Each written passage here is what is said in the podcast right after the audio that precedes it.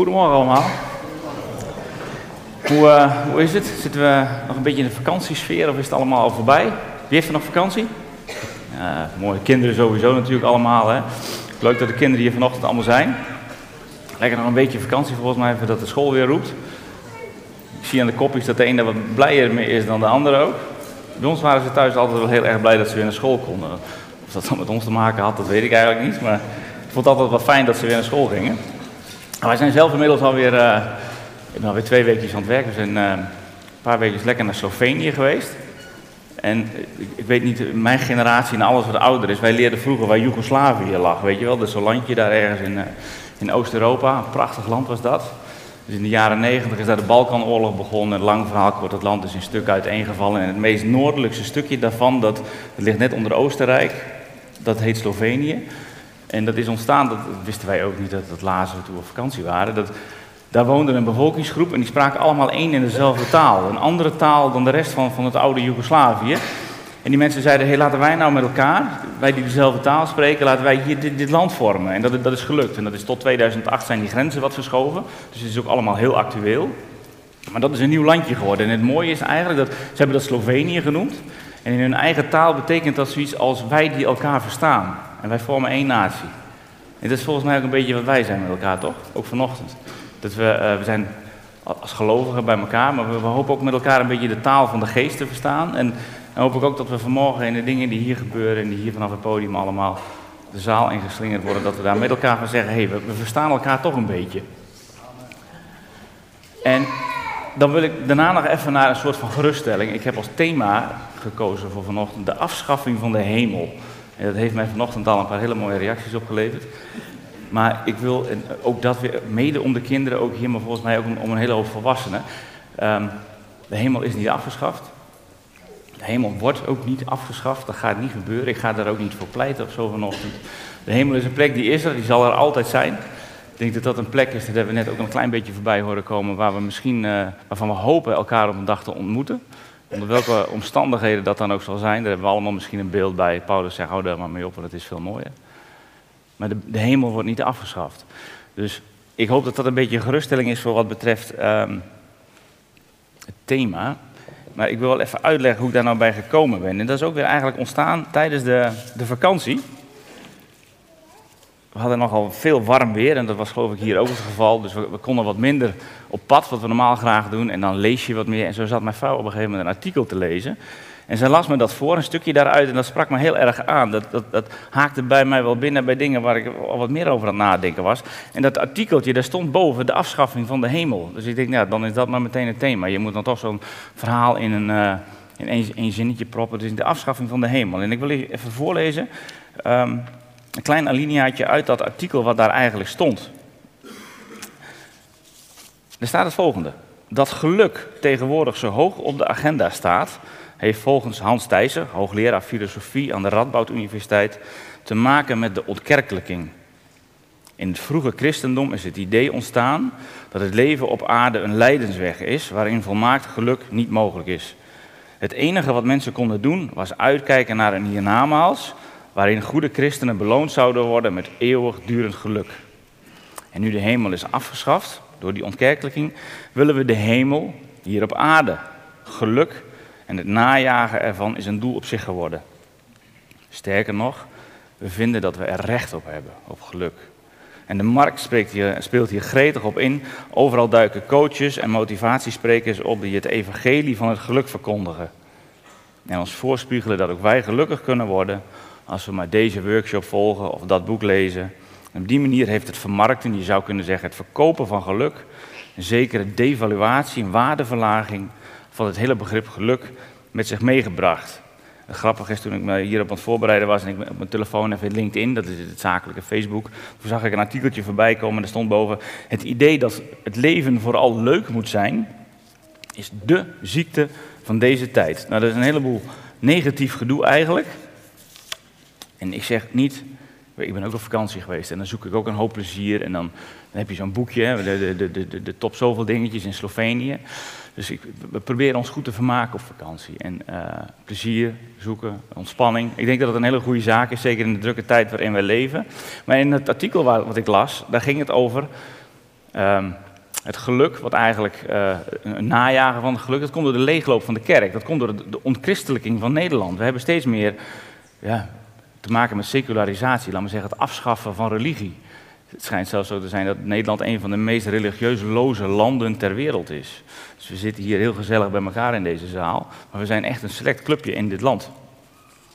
En als we kijken naar die moderne, ongelovige mensen, en als ik dat dan in mijn vakantie even terughaal, dan is dat ook zo. En dan zie je dat denk ik ook in je eigen leven wel om je heen. Als je, als je nou gelooft dat het allemaal moet gebeuren in die, weet het niet, 50, 60, 70, 80 jaar dat je hier leeft, waarvan de laatste jaren misschien al niet de beste meer zijn, dan ga je ook je gaat je leven vullen met de dingen waarvan jij vindt dat, dat, dat, dat je er recht op hebt of dat je ze leuk vindt. Dus we gaan, ja, we, de, ongelovige mens, zoals in het artikel eigenlijk um, geschreven werd, die gaat zijn, zijn hele heil eigenlijk in dit leven stoppen. Leven voor het plezier. Kijk maar op Facebook en zo. Hè. Wat posten mensen? Dat zijn vaak de leuke dingen. En nou ja, wat ik zei, ik geloof ook wel dat het, dat het logisch is als je, als je geen vooruitzicht hebt op die, op die eeuwigheid. Als je niet iets, iets kunt, kunt zien van hé, hey, maar het wordt allemaal beter en we gaan verder en er komt geen eind aan.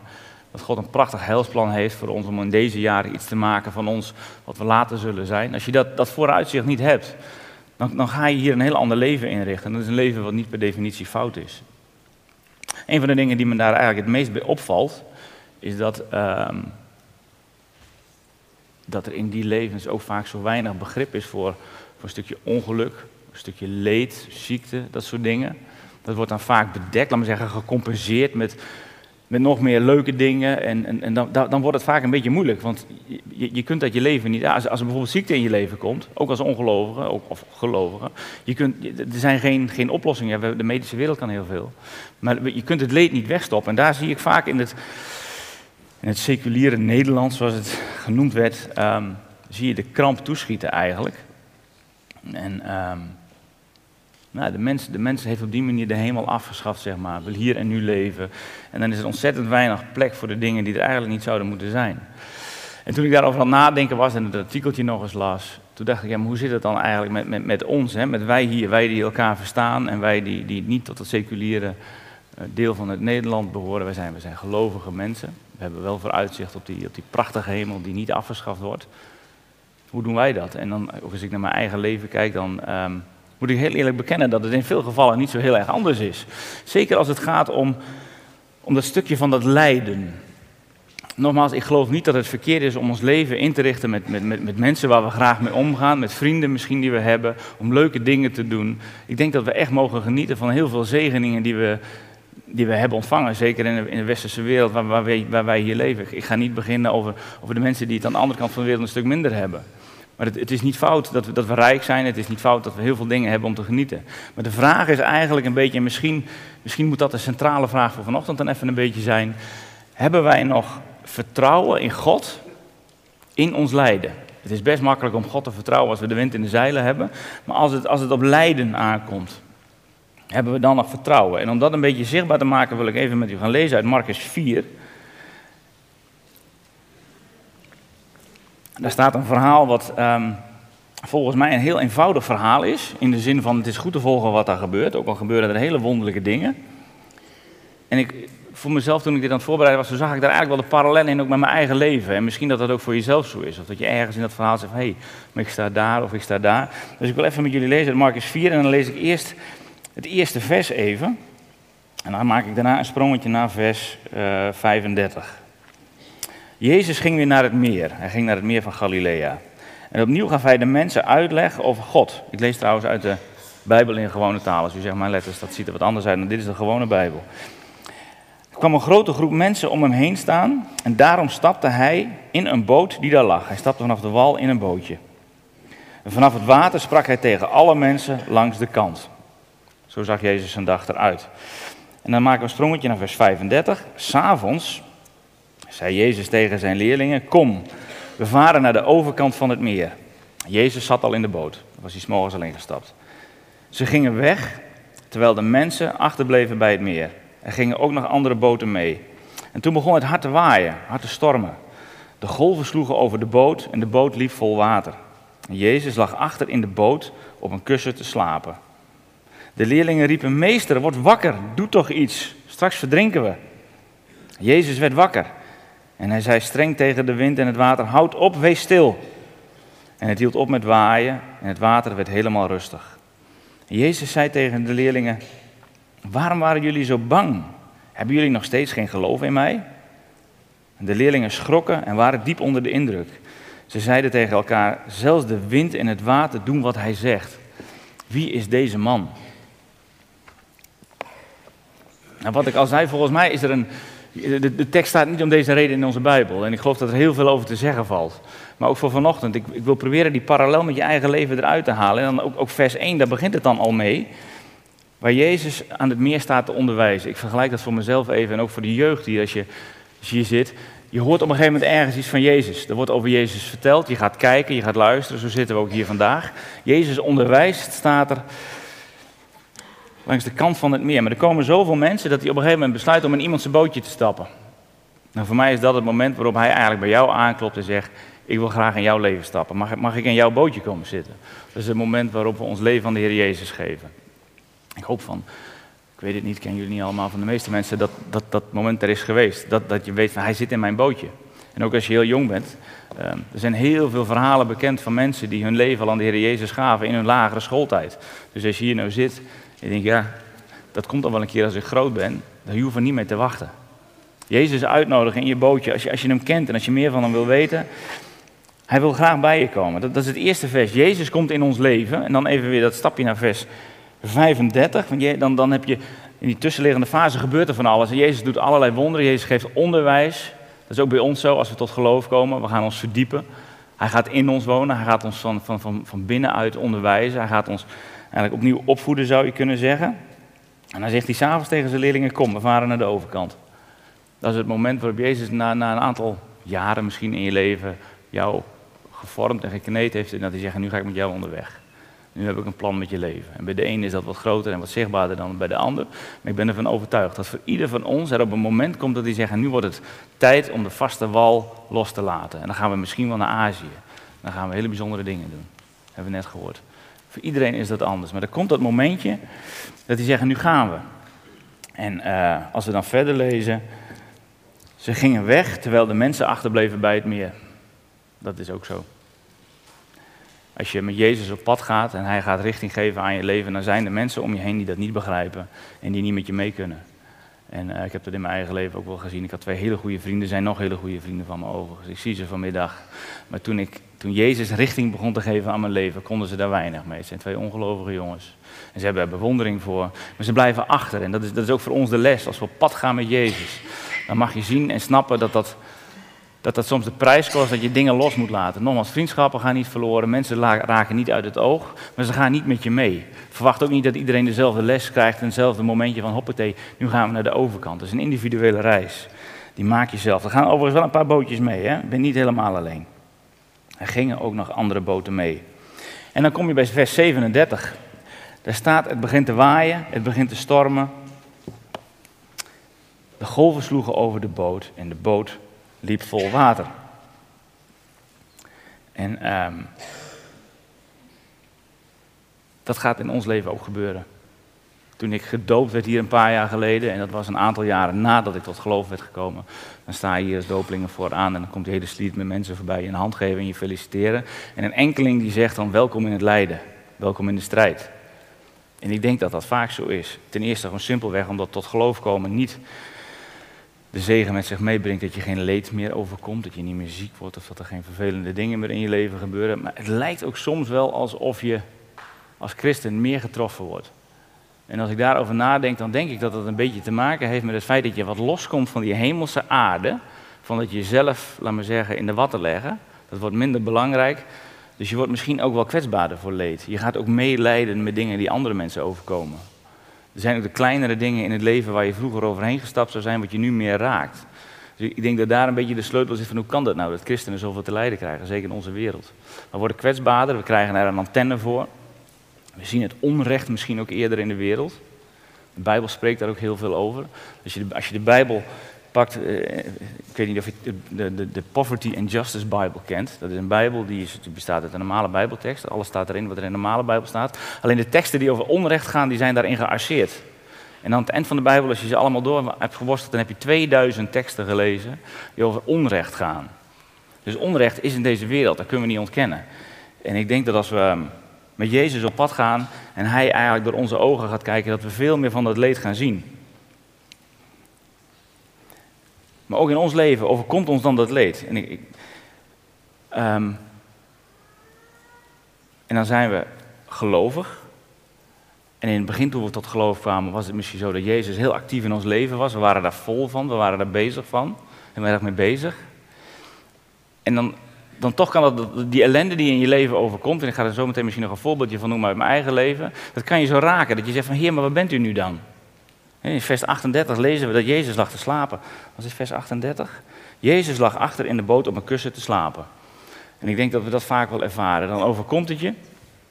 De dingen waar je niet op gehoopt had. De dingen die je in je leven niet wil. En Jezus lijkt soms zo akelig ver weg. Maar hij zegt, hij, hij, wordt wakker gemaakt. En um, de discipelen die maken hem wakker. Ik ben even de tekst kwijt.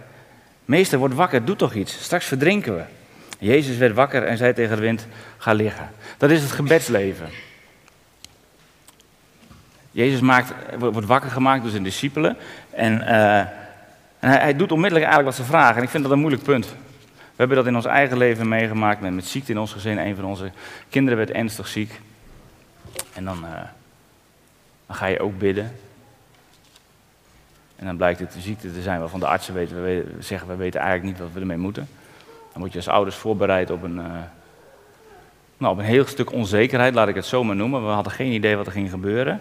En dat voelt als heel oneerlijk. In de Bijbel doet Jezus dit wonder wel. Zijn discipelen maken hem wakker. En in het laatste vers zegt ook, wie is deze mens? Dat zelfs de wind en de zee naar hem luistert. Het is onmiddellijk stil daar op het water. Het bootje kan leeggeschept worden en we kunnen naar de overkant. Helaas is dat in ons eigen leven vaak niet het geval. We hebben twee jaar lang naar zijn ziekenhuisbed moeten zitten. Ziekenhuis in, ziekenhuis uit. Kunt je er wel wat bij voorstellen. Voordat we uh, te horen kregen dat het, dat het allemaal goed was. Dat, dat ziet er soms anders uit. Maar het belangrijkste voor mij wat er in deze Bijbeltekst staat. Dat is als Jezus in vers 40 zegt. Waarom waren jullie zo bang? Hebben jullie nog steeds geen geloof in mij? Het lijkt wel een verwijt. De, de, discipelen die doen alles wat ze zeggen. Ze, gaan met, met, met, ze nemen hem mee in een boot. Ze gaan op weg. Ze gaan op zee. En dan komt de storm. En dan, dan hebben ze Jezus aan boord. Waarvan ze gezien hebben. Hij doet wonderen. Hij geneest zieken. Hij, hij kan alles. We hebben de meester zelf aan boord. En dan maken ze hem wakker. Hij doet het wonder. En dan zegt hij, maar waar, waar is nou je geloof? Eigenlijk zegt hij, waar maak je me nou eigenlijk wakker? Ik denk als ik in die boot gezeten zou hebben, en ik ben denk ik een klein beetje een Peter, dus ik heb mijn kwaak snel open, dat ik dan toch tegen Jezus gezegd zou hebben, ja, maar als we dat nou niet gedaan hadden, waren we wel met dit hele bootje ten onder gegaan. En het is een beetje uh, fantasie misschien, maar ik, ik, ik denk dat Jezus dan tegen mij gezegd zou hebben, nou en? Dan ben ik daar nog steeds bij. Want als dit bootje ondergaat, dan ga ik ook onder. Jezus verwijt de discipelen eigenlijk dat ze. Waar is je vertrouwen? Waar is je geloof? Hij doet het wonder wel. er is gebedsverhoring, zou je kunnen zeggen. Maar eigenlijk is het als Jezus, alsof Jezus zegt: Mag ik er ook zijn in dat lijden? Mag, mag ik met jou. Ik wist dat deze storm kwam. Ik heb deze route gekozen. Meer van Galilea stond er sowieso onbekend. Dat het daar heel erg spoken kon. En hij lag te slapen. Nou wil ik wel even duidelijk maken, Jezus slaapt in ons leven niet. De Jezus die hier slaapt, dat is de mens Jezus die na een heel dag van onderwijs moe was. En die gaat slapen. Maar in de geest was hij zeker wakker. Hij wist waar het bootje heen ging en hij wist dat het bootje vol liep. In mijn eigen leven ging het toen wij uiteindelijk naar het ziekenhuis reden naar Groningen. Met een kind waarvan we niet wisten of de artsen daar überhaupt iets aan konden doen. Ook, ook ik ben eigenlijk gaan bidden, bijna zoals het hier staat: van hier, maar dit kan toch niet? Ben ik daarvoor tot geloof gekomen. En, en Heer, ik wil, je, gaat, je gaat in offers verzinnen. Ik heb alles aangeboden. Dat, dat, dat werd ook allemaal niet ontvangen. Daar kwam ook überhaupt geen reactie op. Maar God legde één gedachte in mijn hoofd. Ik weet niet of je dat kent. Dat soms God iets in je gedachten kan leggen dat je bijna durft te zeggen dat je hem hoorde. Hij zei tegen mij, ik wil dat je je dochter bij mij brengt. Want ze behoort mij toe en niet jou. En... Um, Dat was een, een, les, die heb ik twee jaar lang moeten toepassen voordat ik hem een beetje snapte. En eerst dacht ik ook dat het, dat het iets te maken had met dat we haar zouden gaan verliezen. Ze behoort mij toe, ik moest haar maar bij Jezus brengen. Maar eigenlijk zei hij, dit, dit vult op dit moment jouw hart. Dit is jouw nood. Dit is iets waar, daar kun jij niks aan doen. Breng dat nou bij mij, want mijn lot, jouw lot is mijn lot. Daar ben ik voor gestorven, daarvoor ben ik in jouw bootje gestapt, daarvoor ben ik met jou op pad gegaan. En nou is er ellende en durf je ook door die ellende met mij mee te gaan. Hij maakte diezelfde storm gewoon mee. En hij leerde mij in die twee jaar die volgden om te accepteren dat ik niks kon doen. Ik kon echt niks doen. Naast dat bed te zitten, iedere keer maar weer naar Groningen en weer naar huis. Goede berichten, slechte berichten, alles door elkaar heen. En in twee jaar tijd leerde God mij hoe fantastisch het is als je ook mag zeggen, ja, maar dit is ook zijn weg. Dit is niet zijn wil. Maar in die ellende waarvan hij soms kiest van, oké, dit sta ik toe in je leven, te weten dat hij er is. Ik durf ronduit te zeggen, ik heb die jaren soms gemist daarna. Het waren de mooiste jaren van mij en hem op pad. Dus dat vertrouwen en onzekerheid in één zinnetje. Dus vertrouwen gaf geen zekerheid om een goede afloop. Vertrouwen gaf wel zekerheid dat hij er was. En we hebben het er samen thuis vaak over gehad.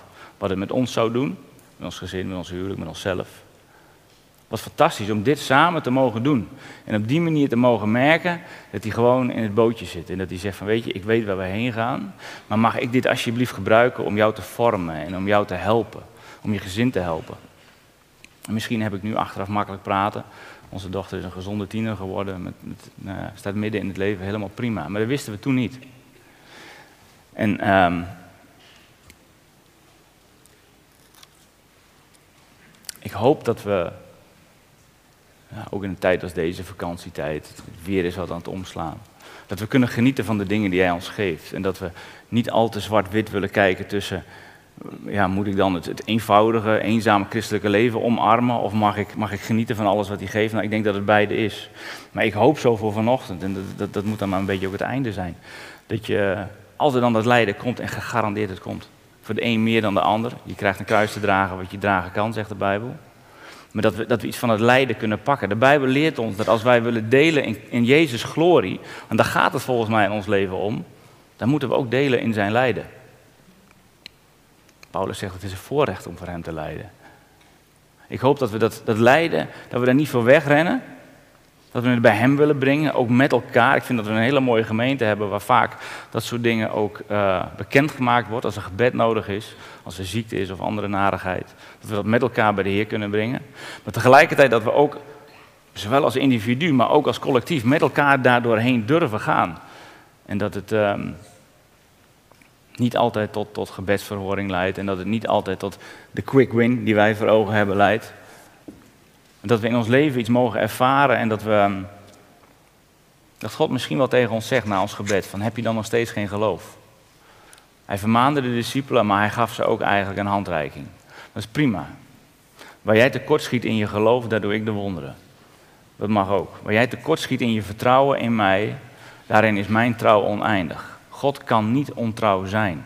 Hij zal altijd in dat bootje zijn. Die hemel wordt niet afgeschaft. Ook die hemel hier niet.